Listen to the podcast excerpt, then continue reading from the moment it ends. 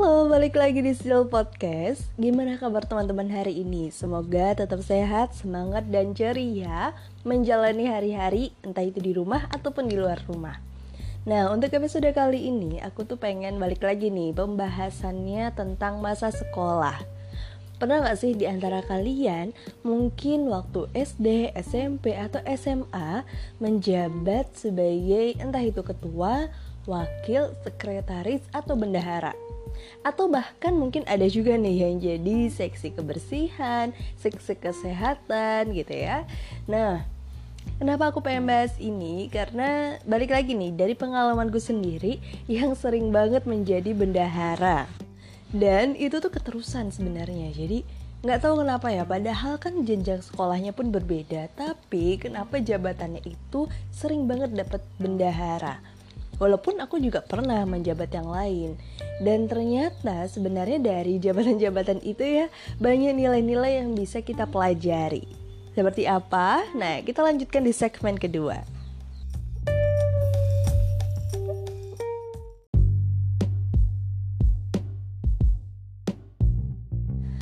Hmm, aku tuh inget banget ya pertama kali menjadi bendahara itu waktu SD tapi aku lupa sih tepatnya SD kelas berapa. Yang jelas yang paling aku inget itu ada di kelas 6 Karena waktu itu memang outputnya dari hasil uang kas adalah kami bisa piknik kayak gitu. Nah sebelumnya sebenarnya pernah juga menjabat yang lain. Entah itu wakil ketua ya Atau mungkin juga sekretaris.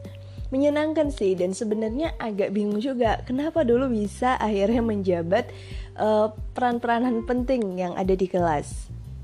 Nah, pertama kali jadi bendahara waktu SD, kerjaannya ya cuma nagih uang 2000 per minggu gitu ya. Atau mungkin kalau misalnya kayak mau beli kemoceng atau beli sapu, nah itu biasanya menggunakan uang kas. Berlanjut dari zaman SD ya. Oh iya, waktu kecil sih memang belajarnya jelas sama mama ya. Kayak gimana sih uh, ngatur uang kas gitu. Terus nanti dikasih tahu mama oh dibuat di buku gitu. Ditulis nama-namanya. Kemudian dicentangnya udah bayar. Terus kalau misalnya ada uang itu dirapiin gitu ya. Jangan sampai tercecer dan nggak perlu dibawa semua ke sekolah.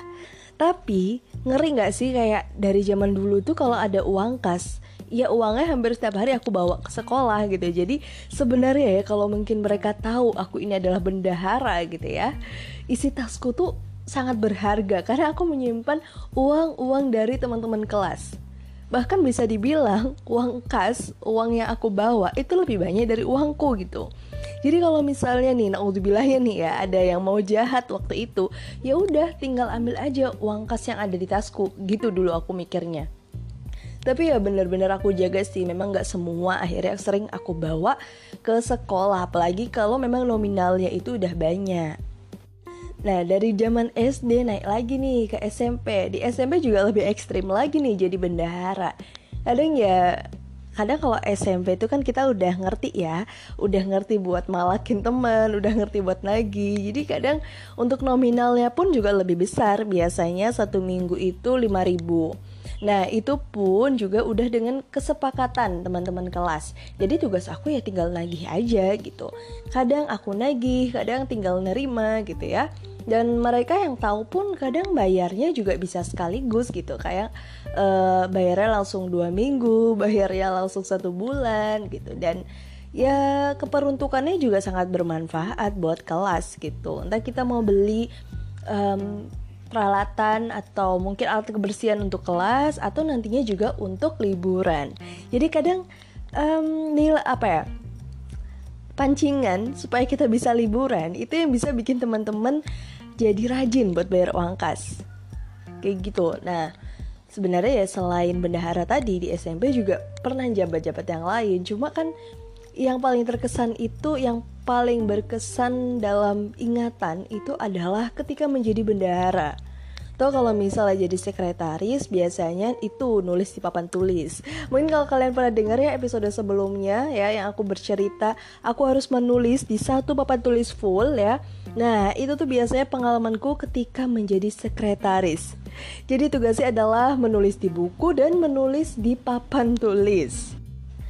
Setelah lulus SMP masuk ke SMA nih. Nah di SMA ini kan sebenarnya nggak ada sangkut pautnya lagi ya sama SMP teman-temannya juga beda lingkungannya beda.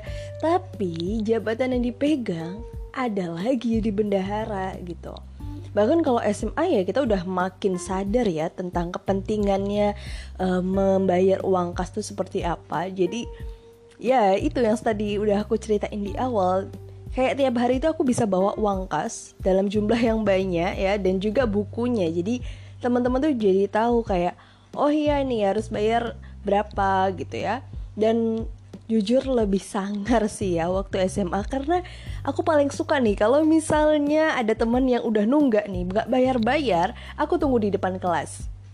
Kadang kalau baru dateng ya aku sudah langsung ngeliatin dia ya atau aku cuma berdiri aja terus cuma ngomong eh bayar uang kas gitu. Nah dulu udah agak lupa nih cara ngomongnya gimana. Cuma kadang ya kalau nggak nungguin depan kelas aku intilin nih sampai tempat duduknya.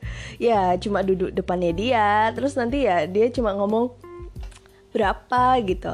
Segini gitu. Dicicil juga nggak apa-apa kok gitu. Ya gaya-gayanya jadi kayak mau sangar tapi mau mau sangar tapi nggak tega juga gitu ya buat keras sama teman sendiri jadi emang kalau udah urusan duit itu agak-agak strict lah. Jadi kalau teman-teman ngeliat aku itu tuh rasanya kayak ngeliat duit. Ngeliat aku atau mungkin lewatin aku ngapapasin aku itu tuh bawaannya udah kayak yang uh, ntar ya war ya ntar ya gitu. Nanti aku bayar kok gitu. Oh, kayak ya ya udah kalau lo mau bayar bayar aja gitu. Nggak usah kayak gitu juga. Ya walaupun balik lagi ya kayak tadi semua yang mereka bayar itu kan untuk kepentingan bersama. Jadi kalau misalnya ada yang menunggak ya sudah seharusnya aku tagih gitu. Dan kalau aku sih sangar-sangar tapi nggak tega. Jadi walaupun aku nagih tetap aku sampaikan dengan baik kayak gitu. Kalau misalnya ada yang nunggak ya udah kita minta baik-baik. Tapi kalau misalnya mereka benar-benar gak mau bayar ya ya udah gitu yang udah sampai berbulan-bulan yang udah acuh ya udah aku juga bodo amat sih nggak mau urusan sama mereka. Yang penting kan aku sebagai bendahara udah menjalankan tugas dan kewajibanku gitu. Selebihnya ya itu urusan mereka. Toh yang memilih jadi bendahara juga mereka yang menentukan nominal juga mereka. Jadi kalau misalnya ada apa-apa ya balik lagi ke, ke mereka. Nah dari zaman sekolah ya aku tuh memang jadi banyak belajar sih. Kenapa sih kita itu harus bisa mengatur duit dengan baik gitu. Kenapa sih kita itu uh, kalau apa-apa pakai duit? Dan yang pasti kita jadi tahu kalau misalnya mau beli barang ini uangnya segini berarti uang kasnya harus terkumpul segini gitu. Nggak bisa nih asal-asalan ngumpulin duit tapi pengenannya tuh banyak. Ya semua apa yang kita butuhin ya juga harus bisa kita kumpulkan dengan baik juga gitu dan sebenarnya uniknya lagi ketika menjadi bendahara aku tuh punya cita-cita supaya bisa menghitung duit ala-ala pegawai bank. Ya sebenarnya karena lihat papa sih jadi kalau kalian tahu ya ketika kita menghitung duit itu yang cuma kita pegang terus ngitungnya itu tuh kayak yang cuma pakai satu jari. Gimana ya jelasin ya jadi kayak yang kalian pegang uang itu pakai tangan kiri terus kalian ngitungnya dengan cara menggerakkan ujung dari duit itu dengan menggunakan uh, tangan kanan kalian. Nah itu dengan hitungan cepat kayak gitu. Nah itu tuh bener-bener kayak aku terinspirasi kayak pokoknya aku kalau jadi bendahara harus bisa ngitung duit dengan cara kayak gitu.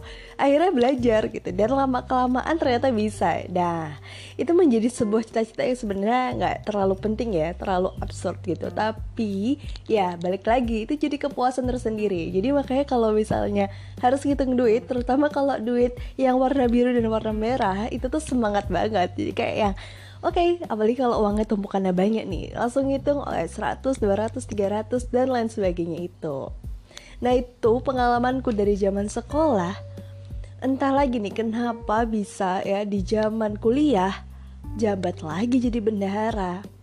Terutama waktu itu sempat jadi bendahara di ini ya di tim Markom. Jadi dulu aku pernah join juga di tim marketing ya, marketingnya kampus, marketing fakultas di situ aku jadi bendahara yang tanggung jawabnya jujur lebih berat. Karena tanggung jawabku adalah tanggung jawab ke fakultas.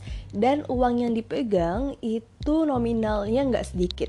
Jadi cukup banyak. Jadi kayak hmm, dalam satu bulan tuh ada uang yang cair ya. Terus uang-uang itu harus bisa kita manage dengan baik. Entah itu misalnya nih, ada pengeluaran untuk roadshow, ada pengeluaran untuk agenda expo atau untuk misalnya dulu mau bikin merchandise. Nah, itu urusannya sama aku. Jadi kemudian kayak teman-teman yang balik dari roadshow itu kan ada nota ya, ada nota yang harus dikasih ke aku.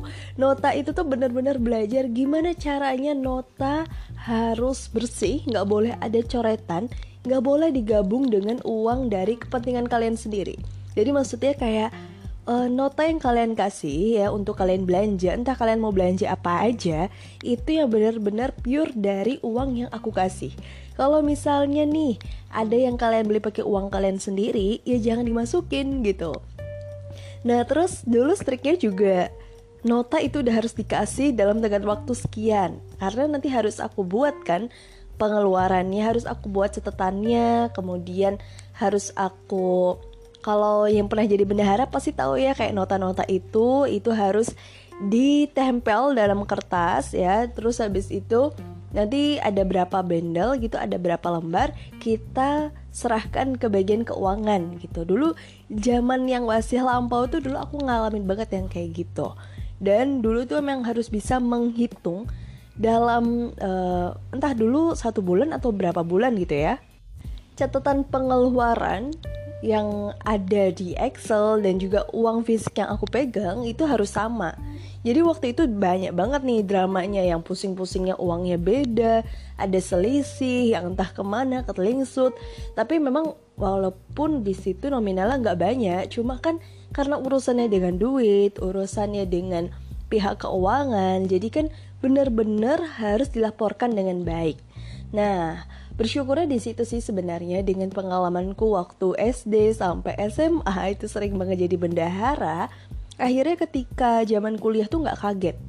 Karena biar gimana pun ya dalam sebuah organisasi menurut aku atau apa pun lah yang bisa memperlancar pekerjaan kita yaitu karena faktor duit juga. Jadi kalau misalnya nih teman-teman yang menjadi bendahara kurang cakap untuk mengelola duit ya atau mungkin bukan orang yang bisa mengatur atau bisa me, apa ya ngestrik lah ke teman-temannya supaya rajin membayar uang kas itu ya itu agak kelimpungan juga. Makanya nggak bisa dibilang menjadi orang yang punya kuasa juga sih. Cuma kan ya tadi kita sebagai bendahara karena kita punya tanggung jawab yang besar karena urusannya dengan duit jadi harus bisa menjalankan tugas itu dengan baik. Ya kalau kita mau agak keras ke temen ya itu wajar karena itu tugas kita. Yang penting kan kita nantinya bisa mempertanggungjawabkan itu gitu. Dan ya alhamdulillahnya walaupun agak kesal-kesalnya pasti dulu teman-temanku juga kesel sih sama aku karena terlalu strict gitu ya. Uh, mereka cukup bisa kooperatif.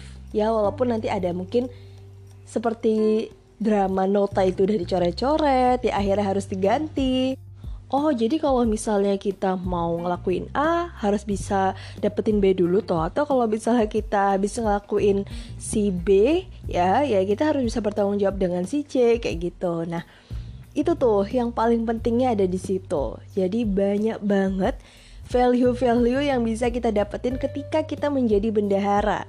Nah, jadi buat kamu nih yang sekarang ya mungkin sekarang masih menjabat sebagai bendahara, terus kalian merasa bosan karena megang duit terus ya.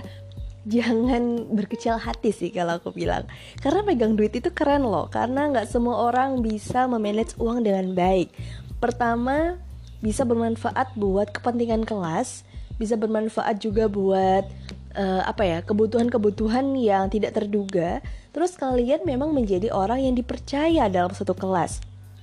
Nah tentu saja manfaatnya buat kalian sangat-sangat banyak. Pertama kalian jadi tahu cara memanage uang dengan baik. Kedua kalian jadi tahu kalian jadi bisa menghargai yang namanya uang. Gimana uang itu nggak boleh lecek gimana uang itu harus rapi terus gimana kalian bisa mengeluarkan uang sesuai dengan kebutuhan ya. Itu penting juga. Karena kadang ada nih drama-dramanya yang uh, mau fotokopi apa pakai uang kas mau beli apa pakai uang kas. Jadinya tanpa memperhitungkan kebutuhannya nah lama-lama uang kasnya jadi habis. Nah kalau kalian udah bijak dalam mengatur uang kas kalian jadi bisa tegas juga nih sama teman-teman Oke teman-teman, uang kas kita cuma ada segini. Jadi kita cuma boleh mengeluarkan segini kayak gitu. Toh jadinya semua banyak belajar kan, belajar bersama lah kalau aku bilang. Yang kitanya sebagai bendahara belajar, yang teman-teman kita sebagai pengikut kelas ya, yang sebagai anggota kelas ya juga belajar untuk menghargai kita sebagai bendahara gitu. Hmm, terus apa lagi ya? Tadi dengan kalian pernah menjabat ketika kalian memegang amanah yang lebih besar lagi, kalian jadi cukup pede lah. Karena kalian udah ada ilmunya kayak gitu. Hmm, terakhir aku itu jadi bendahara buat apa ya? Oh, aku jadi bendahara untuk studi tour sebelum kami praktik kemarin. Jadi waktu itu kami merencanakan ke Jakarta dan ke Bandung. Nah, Buat teman-teman yang jadi bendahara, penting banget untuk tahu kira-kira kalian membutuhkan budget berapa ya. Mulai dari akomodasinya, kemudian uh, nanti ya bisnya berapa, hotelnya berapa, makanannya butuh yang berapa. Nah, dengan kalian tahu range-range kayak gitu dan kalian juga ada komunikasi ya dengan pihak travel kalau kalian pakai jasa mereka, nah kalian jadi bisa memperkirakan satu anak ini bagusnya bayar berapa ya. Terus dengan nominal yang cukup besar itu baiknya bayar mulai kapan ya? Nah, alhamdulillah waktu itu aku e, berpartner sama temanku ya. Kalau kalian tahu Audi yang sering aku ajak juga tuh udah dua kali ya membahas di situ di podcastku. E, kami sama-sama mengatur gimana caranya dengan nominal yang cukup besar yang harus dibayarkan oleh teman-teman, mereka tidak kelimpungan. Nah, akhirnya kami menerapkan sistem cicil. Cicilnya bebas, mau 200, 300, tapi kami memang uh, menyicilnya itu dalam jangka waktu yang cukup lama. Jadi memang uh, ada beberapa bulan lah. Kalau nggak salah waktu itu kami dari bulan Maret apa ya, Maret atau April ya, dan kami mulai studi tour itu di bulan Agustus. Jadi memang rentang waktunya cukup banyak dan cukup ada deadline-nya karena kan otomatis di situ kami harus bayar DP-nya ya kemudian harus mempersiapkan hal-hal yang lain yang tentu saja membutuhkan uang. Nah kayak gitu teman-teman. Ketika kalian nanti yang menjadi bendahara banyak hal yang nanti uh, akan kalian pelajari dan tentu saja tantangannya akan semakin besar. Dan ya buat teman-teman yang udah menjadi bendahara itu menjadi poin plus lah buat kalian. Karena nantinya ketika kalian bekerja, ketika kalian berumah tangga atau ya untuk sekarang kalian sendiri kalian jadi bisa menggunakan uang dengan bijak. Nah, kuncinya seperti itu. Oke, kayaknya udah cukup banyak ya yang aku beritahukan di sini. Ya, nggak bermaksud untuk pamer, nggak sama sekali ngapain juga aku pamer jadi bendahara. Cuma tidaknya ini bisa menambah informasi juga buat kalian ya pentingnya kita mengelola uang dengan baik dan satu hal yang nggak boleh diremehkan gitu ya. Nah, untuk episode selanjutnya kita akan membahas hal-hal menarik lainnya dan sampai jumpa di episode selanjutnya. Bye bye.